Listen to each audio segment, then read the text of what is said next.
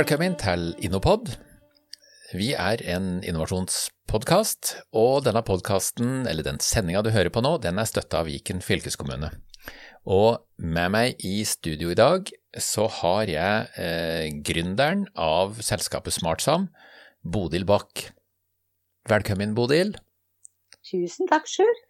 Eh, du har, vet jeg, hatt ei gründerspire i deg i mange, mange år, men det er først i senere tid at du har begynt som gründer.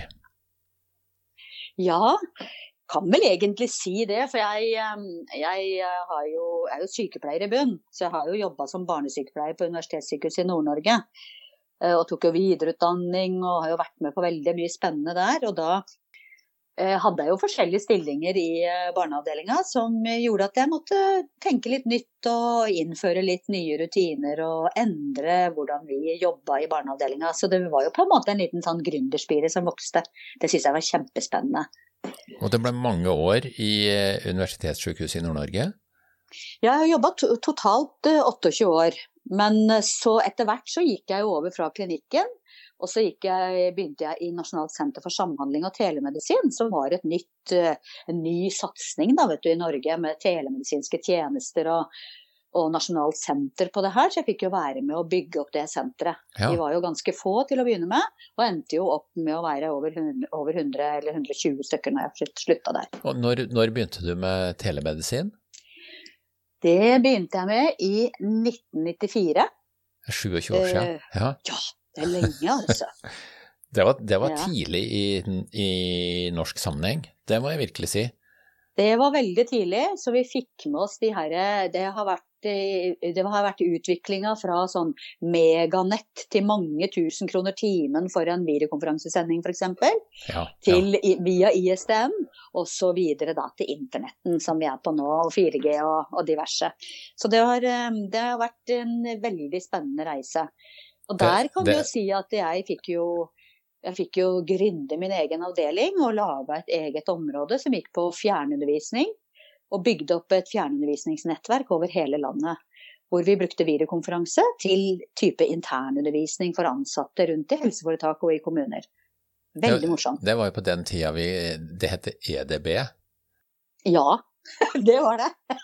jeg, satt en, jeg satt i en workshop her og da var det, en, det var et regnskapsbyrå, da var det en ung medarbeider som, som stilte følgende spørsmål. EDB, er det han mm. nye som begynte i forrige uke? Ja. det kan vi le av. Ja, ja, ja. Men det er ikke alle av lytterne våre som vet hva vi prater på nå. Nei, Men de vet heller det. ikke hva børstraktor er, eller hva en japp er, osv. Nei. Nei. Og så er det mye vi ikke vet, men vi får jo bare glede oss over at det er noe vi kan, Bodil, som ja. en del av lytterne ikke kan. Mm. Og jeg husker jo at eh, når jeg satt og koordinerte det her fjernundervisningsnettverket, da, som var veldig nytt den gangen, ja. for det hadde man jo ikke begynt med universitet og høyskoler en gang heller. Eh, og da hadde vi jo ikke e-post og sånn, så jeg satt jo på telefonen vet du, hele ja. dagen og skravla og prata med disse her foredragsholderne fra hele landet. Så det, var, um, det har vært en stor utvikling. Og sendte telefax. Og sendte telefax med programmet, undervisningsprogrammet. Og, pakka manuelt undervisningsprogram og sendte i posten ut til alle helseforetakene og kommunene. Ja. Ja da. Så du, du, har rett og slett Du er en pioner, eh, for å si det sånn. Eh, ikke har vært, mm. men er en pioner. Du mm. Ja. ja det... så, kom jo, så kom jo etter hvert, da, vet du, så hørte jeg noen greier som foregikk borti USA, da. Om noen sånne der, læringsplattformer og sånn her, vet du. Hvor vi kunne få e-læring og sånn. Ja. Og det fikk jeg også være med å bygge opp da en eh, plattform i Nord-Norge som heter helsekompetanse.no. Ja. Som da tilbød e-læring. Og vi ble jo spesialister på litt det her blandende kombinasjonen av e-læring og videokonferanse. Og hvilke, hvilke år skriver vi da, når dere begynte å kikke på det? Det var i slutten av 90-tallet. Yes, kult, ja. Altså sånn 7-98, ja. Ja, ja. Mm.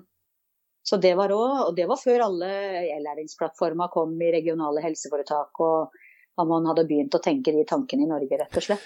Så, eh, så det var morsomt. Det, det, er veldig lett å tenke, eller vi, vi hører jo sånn i det daglige at uh, tenk deg det, i helsevesenet bruker de fortsatt telefax, uh, og det tror jeg de fortsatt gjør noen steder. Men, men dette her er jo helt annen historie. Det er jo, her er det ikke fremst.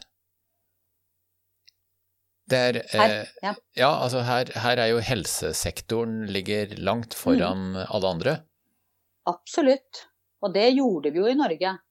Altså vi var, Det var til oss de kom for å se på telemedisinske tjenester. Så, så vi jo, vi holdt jo til i Moelven-brakke, vi oppe i Tromsø, utafor sykehuset i Tromsø.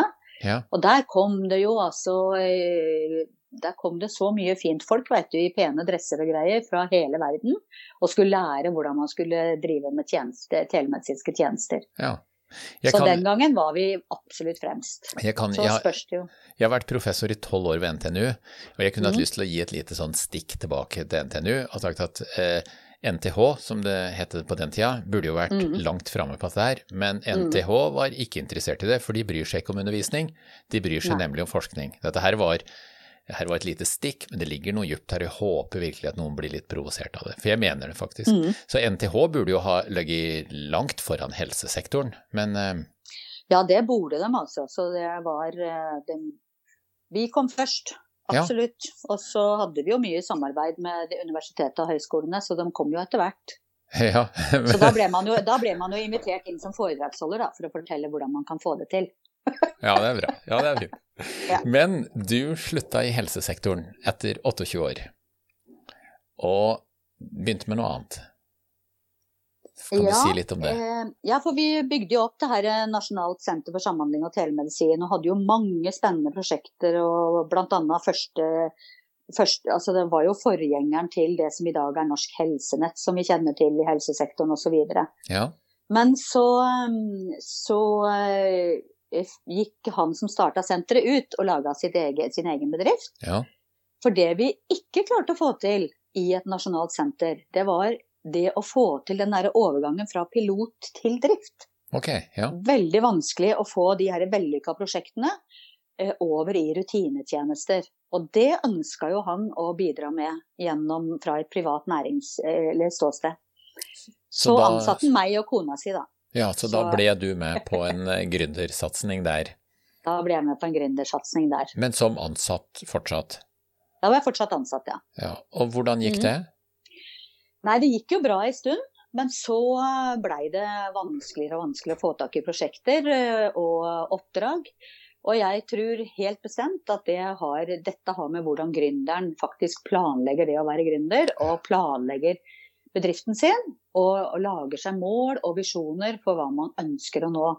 Og det hadde vi kanskje ikke vært så veldig flinke til. Så, så det firmaet ble lagt ned. Og jeg ble arbeidsledig, 56 år gammel. Ja, Og da var gode råd dyre. ja det Så- er det, ja. Så da, da tenkte jeg at jeg kanskje jeg endelig skal gjøre litt alvor og være gründer for meg sjøl. ja. Og så starta jeg da et firma som heter Bebak, som jeg nå har da gjort om til Smartsham AS. Ja. Ja. Så etter, eh, så etter mange, mange år i helsesektoren hvor du jobba med det, og vært med på én satsing, men hvor du var med da som ansatt, og ikke som, ikke som eier, men som ansatt, mm. så er du nå fullblods gründer fulltid, ikke sant? Ja. Og dere er to Og- stykker i bedrifta. Vi er to stykker. Vi har, nå er vi to stykker. Og det er pga. pandemien, for at det har vært så stor pågang. For, eh, for jeg har jo basert hele mitt selskap på det som var min kompetanse gjennom alle disse åra med teknologiinnføringer. Og det var jo nettopp det å eh, Hvordan få folk til å ta i bruk den teknologien du skal innføre, og hvordan få det forankra i organisasjon. Den tjenesteinnovasjonen som er nødvendig for at vi skal få det til å sitte.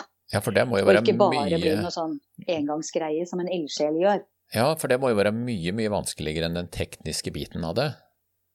Ja, det er absolutt den vanskeligste greia. Vi sier så fint på konferanser og sånn at det, ja, nei, innføring av teknologi, det er jo liksom 20% teknologi og 80 eh, eh, organisasjon. Ja. Jeg vil si det er, det, det er for så vidt 80-80.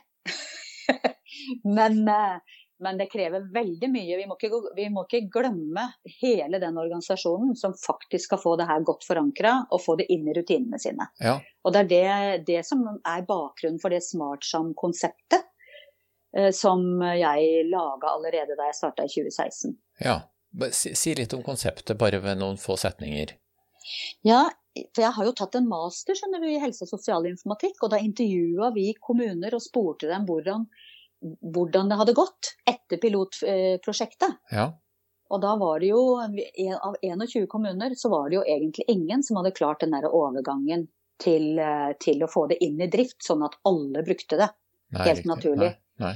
Og, eh, og SmartSam-konseptet er jo egentlig alle de stega man må gå fra å forankre det hos helt øverste ledelse, til å få det inn i ryggraden til alle de ansatte som skal faktisk bruke den nye teknologien.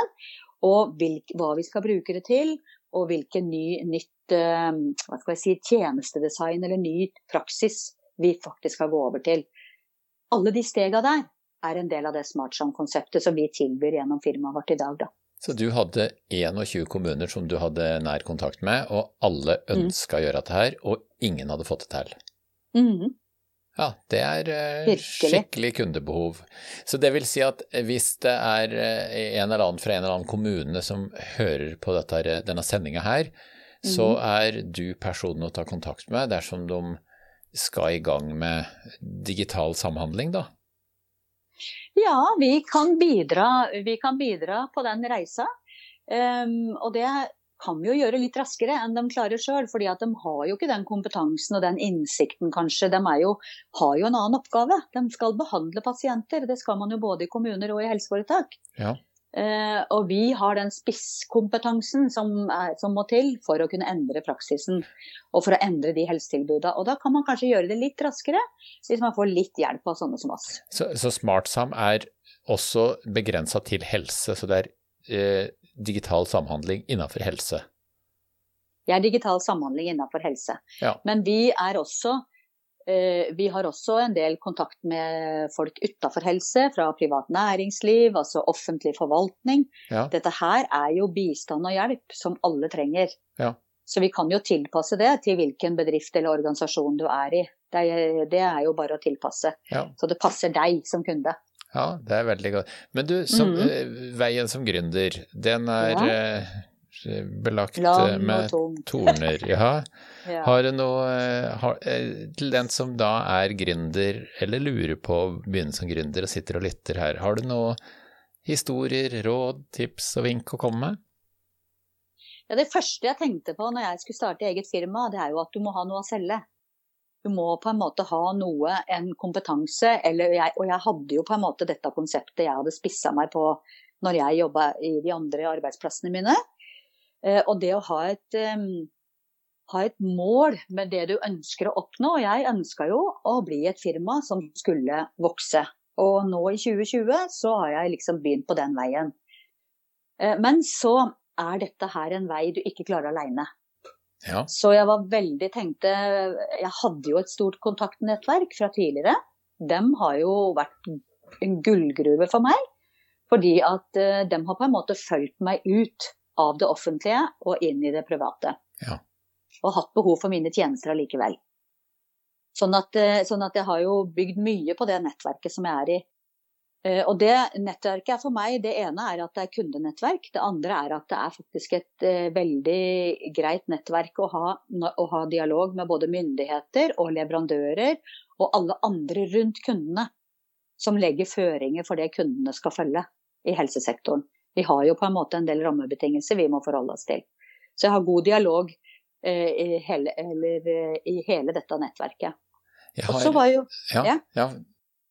Så var jo jeg så heldig, vet du, at jeg, jeg satt jo her på Hønefoss, da, og så her hadde de jo noe som heter Innovasjonsløft, som var et Innovasjon Norge-program som Ja. du var involvert i sjøl. ja. Og, og ble jo oppringt, for noen hadde hørt at jeg hadde lest avisa, da, at eh, et firma som var eh, født i dette landskapet her. Og ble jo invitert inn i Innovasjonsløft. Og det gjorde jo at jeg fikk jo en, et kjempestort nytt nettverk av andre bedrifter som jeg kunne lære av. Som ikke nødvendigvis jobber med akkurat det samme som meg, men flere av dem samarbeider jo jeg med i dag. Og jeg kan hjelpe dem, og dem kan hjelpe meg. ja. Sånn at det har vært, eh, vært, vært veldig nyttig. Og så lærte jeg jo noen gode mestringsteknikker i forhold til eh, innovasjon, og skapte jo på en måte SmartSam-konseptet mitt, da. Ja spennende.